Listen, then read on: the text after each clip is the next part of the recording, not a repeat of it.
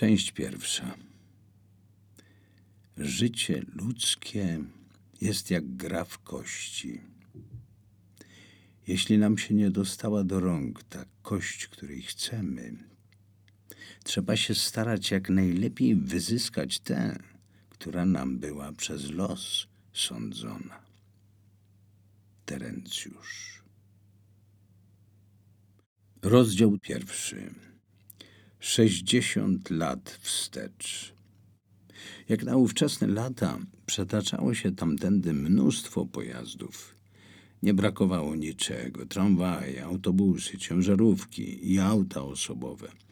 Do niekończącego się sznura aut dołączały czasem karetki pogotowia i milicji, a także kawalkady z władcami kraju, z pierwszym sekretarzem partii na czele. Jedne wkraczały przed oczy gapiów stojących na zielonym skwerku z mostu poniatowskiego nad Wisłą i kierowały się w stronę Pałacu Kultury i Nauki. Drugie przeciwnie. To jedna z najsławniejszych polskich ulic, Aleje Jerozolimskie i jej skrzyżowanie z Nowym Światem. To tutaj projektowano życie milionów obywateli – Tutaj można było stracić wolność, a czasem nawet ją odzyskać. Pojazdy kierujące się od strony Wisły docierały do skrzyżowania z Nowym Światem i tam na światłach się zatrzymywały. Długo stały, bo Nowy Świat nie odpuszczał. Tam także był duży ruch. Jedne samochody oddalały się od placu Trzech Krzyży i kierowały w stronę krakowskiego przedmieścia i Zamku Królewskiego, albo udawały się do różnych instytucji na warszawskiej Starówce.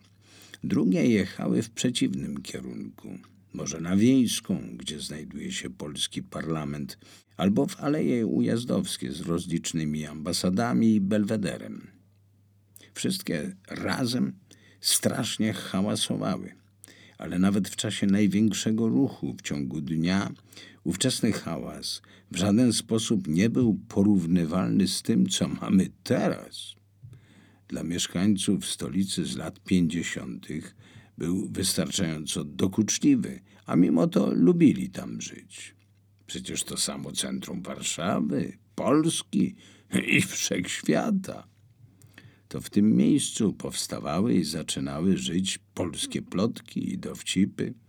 Tam spotykało się najważniejszych polityków, dziennikarzy, popularnych aktorów i gości z zagranicy. Jakby przemyślnie ku zadowoleniu gawiedzi nieopodal kamienicy Branickich pozostawiono miejsce wolne od gęstej zabudowy, umożliwiając obserwowanie, co dzieje się na najwyższym szczeblu. Korzystano z tego, kiedy tylko było można. Gdy coś się działo, pojawiała się nagląca wiadomość. I wielu ludzi, starych i młodych, nie wykluczając dzieciaków, wybiegało i sterczało na trawniku lub obok dwóch starych, bujnych wierzb. Gapili się. Marysia nie przepadała za podpatrywaniem kogokolwiek i nie wchodziła w szczegóły, czy pojawił się tam jakiś władca czy celebryta. Używając języka przełomu wieku, wcześniej to słowo chyba nie funkcjonowało. Nie lubiła tego, więc nie podpatrywała, jednak nie mogły jej omijać wydarzenia, które były widoczne gołym okiem, nawet kiedy wcale nie chciała ich podpatrywać. Marysiu, idziesz na spacer? Nie, tylko wyszłam na dwór ze śmieciami. A co, pani Władziu? Pani Władzia to ich dozorczyni niewysoka, za to wyraźnie obszerna, z tak samo sympatyczną jak nieładną twarzą. Różni byli dozorcy. Jedni uczynni i pracowici, inni władczy i leniwi, ale wtedy bardzo potulni względem władz. Byli wśród nich mężczyźni i kobiety. Pani Władzia według lokatorów należała do najlepszych. Dbała o mieszkańców jako swoją rodzinę. To taki przedwojenny model, który tu i tam nadal istniał. Nic nie mogło być się bez niej. Znała wszystkich lokatorów do najdrobniejszych szczegółów i nie po to, by tą wiedzą dzielić się z kimś, lecz by w razie potrzeby pomóc. Chodźmy na skwerek. Podobno coś ważnego dzieje się od strony domu partii. A co tam ciekawego może się dziać? powątpiewała Marysia. Była w tym spora doza sarkazmu. Władza sobie, a my sobie, pomyślała. Gdy tylko pojawiała się tematyka polityczna, twardniały rysy jej twarzy. A przecież normalnie były nadzwyczaj delikatne i urocze. Nie miała urody modelki, ale była bardzo ładna, głównie dla tej wypisanej na twarzy łagodności. Poza tym była bardzo szczupła i niska, co w sumie wzbudzało zachwyt i zaufanie. Lubili ją więc wszyscy sąsiedzi i bliscy. Wiosna 57, Marysia jest w zaawansowanej ciąży. Oj, dużo rzeczy. Może Gomułka i cała świta wyjeżdżają z centrali, albo odwrotnie, skądś wracają. No, może jeszcze jakiś zagraniczniak jedzie na spotkanie z nimi? Nie, tam wcale mnie to nie obchodzi. No, może dzieje się jednak zupełnie coś innego, jakiś pożar albo wypadek. Pani Władziu, bez przesady. Też mi coś, żeby warto było tam lecieć i się gapić. Przecież pani wie, że nawet jak pójdę i tak niewiele zobaczę. Chyba mi się pogarsza wzrok. No dobrze, sama polecę i ci opowiem. Poleciała, a Marysia skierowała się ku klatce schodowej, na którą patrzyła nie bez pogardy. Były ku temu istotne powody. Kamienica pełna wojennych śladów i odpadającego tynku. Brzydkie podwórko, które kiedyś mogło nie być kamienne albo betonowe, a zwyczajne, ziemne. W tej ziemi byłyby zasadzone specjalnie dobrane, urokliwe krzewy, o które dbałby dozorca, w ich przypadku dozorczyni. Teraz w komunie, mimo że mieli wspaniałą opiekunkę, nic nie mogło być normalne i dobrze wykonane. Zamiast porządku na podwórku były placki zaniedbanej ziemi i resztki betonu przypominające lepsze czasy.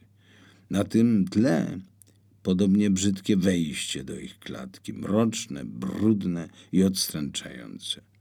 Krok, krok, krok i już wchodziła w drzwi, gdy usłyszała z oddali, z wnętrza bramy podniesiony głos pani Władzi.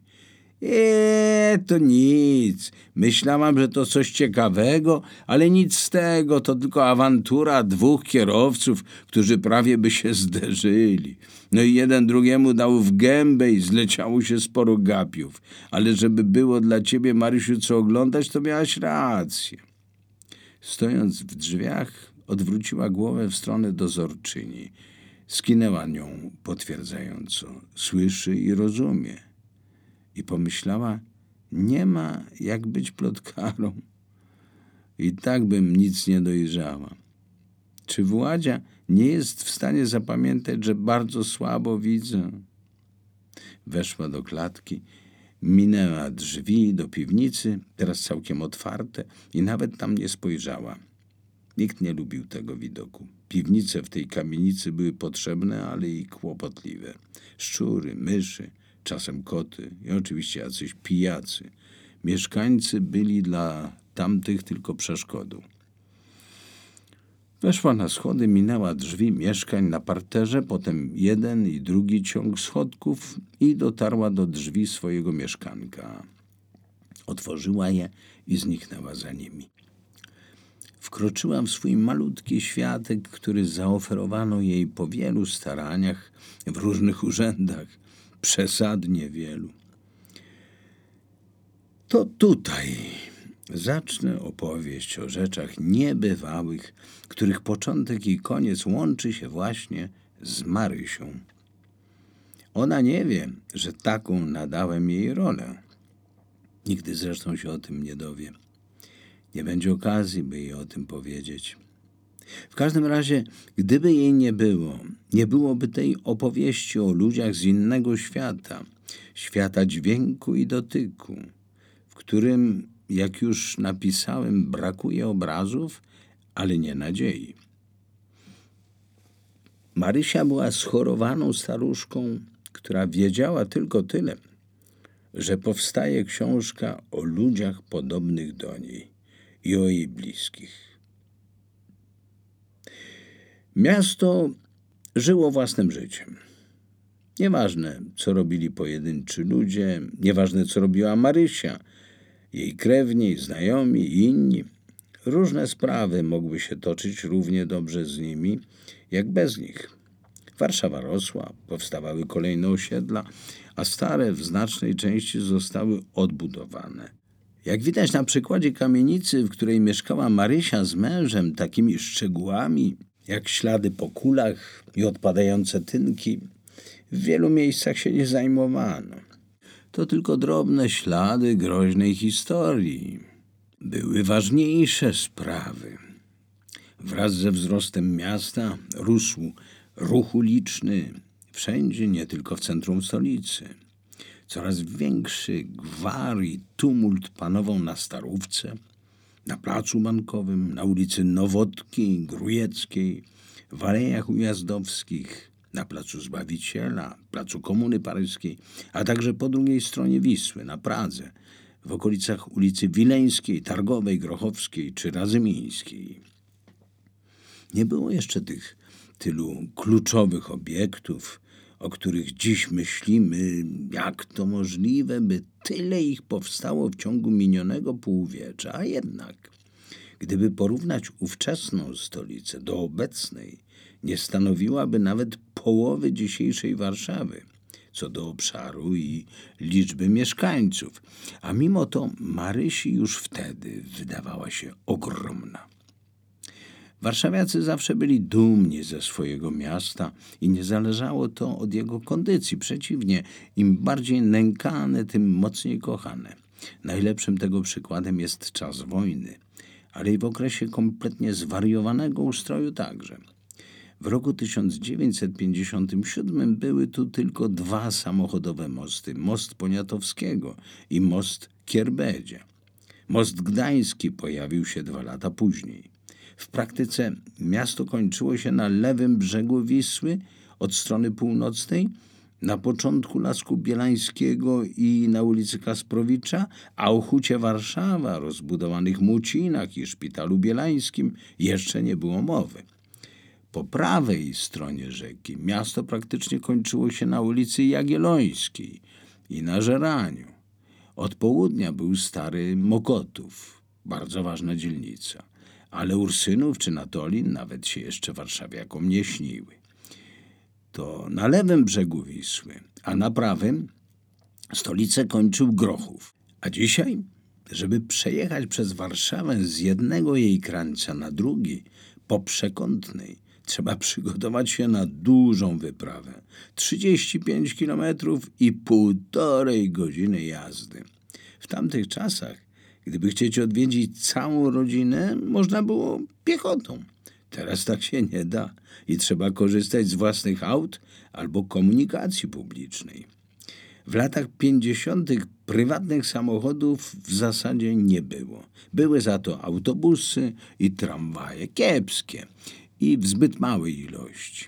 Owszem, najwyraźniej było ich za mało skoro w godzinach szczytu albo w dniach świątecznych były tak zatłoczone, że ich drzwi pozostawały otwarte.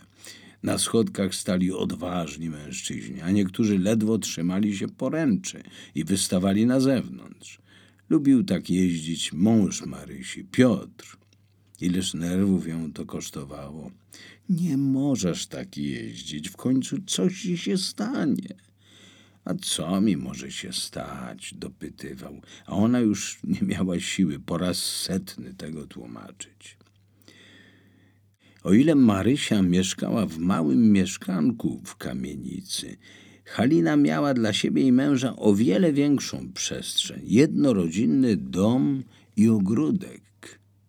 Wtedy takie domy nazywano willami, bez względu na to, czy rzeczywiście na takie miano zasługiwały. Ich dom był raczej zwyczajny, ale w komunistycznym państwie dom na warszawskim Żoliborzu musiał wzbudzać podziw, a nawet zazdrość. W przeciwieństwie do centrum, tutaj panowała względna cisza. Pani Halinka, już pani wraca? zapytał starszy gość, sąsiad z prawej strony, typowy przedwojenny warszawiak, otwarty, wręcz gadatliwy, żeby nie powiedzieć rozplotkowany, niegroźny jednak, lecz raczej dobrotliwie zainteresowany i pomocny. Jak zawsze elegancki, w stylu sprzed 39 roku, w nieco przechodzonym garniturze, o którym myślał, że wygląda poważnie, choć daleko mu było do ówczesnych trendów. Gość po siedemdziesiątce. Zdążył już stracić włosy. Podobnie jego marynarka, która zdążyła stracić, a to guzik przy mankiecie, a to trochę nici w szwie z lewego boku. Dbając o elegancję, stał kilka metrów od Haliny, wyraźnie ugrzeczniony, oddający jej swoim wyprostowaniem sąsiedzkie honory. Spotkanie w kościele skończyło się nieco wcześniej, bo ksiądz musiał gdzieś wyjechać. W przeciwieństwie do Marysi, Halina nie była urokliwa, zbyt duża przy kości, a za to z prawdziwie chrześcijańską twarzą, znaczy nieustannie dobrotliwą. Właśnie to wzbudzało szacunek w tym starszym gościu. Miałem tam pójść, ale jakoś się nie zebrałem. Zapraszamy następnym razem.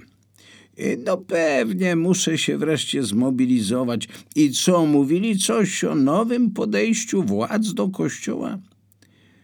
Właśnie, mimo aktywności donosicieli, ludzie nadal byli odważni. Wielu mówiło, co myśli, i niewielu bało się groźnych konsekwencji. Na co dzień nie spotykano bolesnych represji. Mimo aresztowań, wiadomości o nich nie były dostępne. Jedynym wiarygodnym źródłem informacji była rozgłośnia Radia Wolna Europa, ale nie każdy jej słuchał.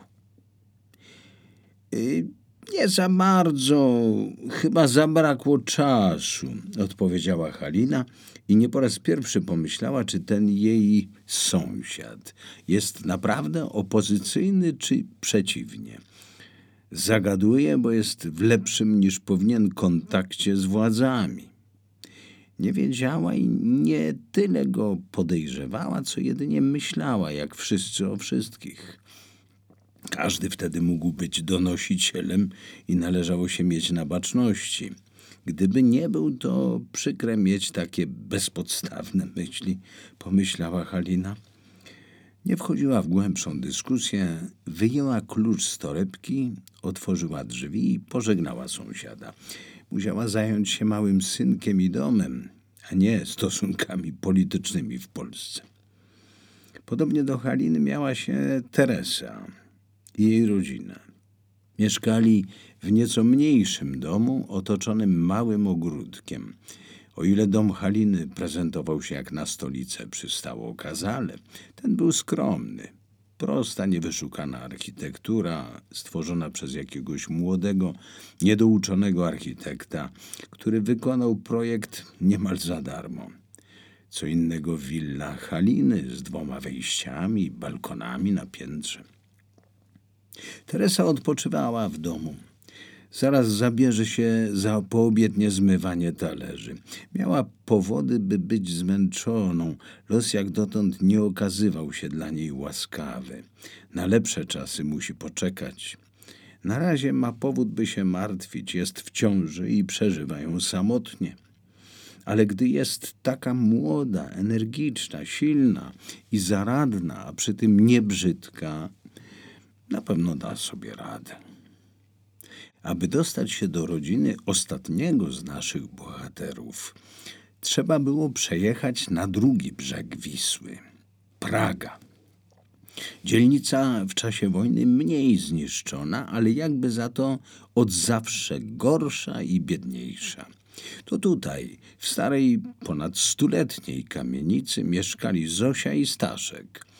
Nie czuli się tam najlepiej, ale gdy starali się unikać władz, nie mogli walczyć o prawo do innego lokalu. Ten im przydzielono i musiało tak zostać. byle tylko nie przypomnieli sobie o powstańczej historii jego rodziny. O tej porze nie było ich w domu. Oboje pracowali. Jako podejrzani o kontrrewolucję nie mieli wymarzonej pracy. Gdyby chcieli i to zmienić, znowu musieliby uderzyć do władz. Nie zmieniali więc i starali się być zadowoleni. Tak się złożyło, że i Zosia spodziewała się dziecka. Ona jednak była pod troskliwą opieką męża. W tych czterech miejscach przyszli na świat nasi bohaterowie. Jak się okaże, łączyła ich ważna, wspólna cecha. Stracili wzrok.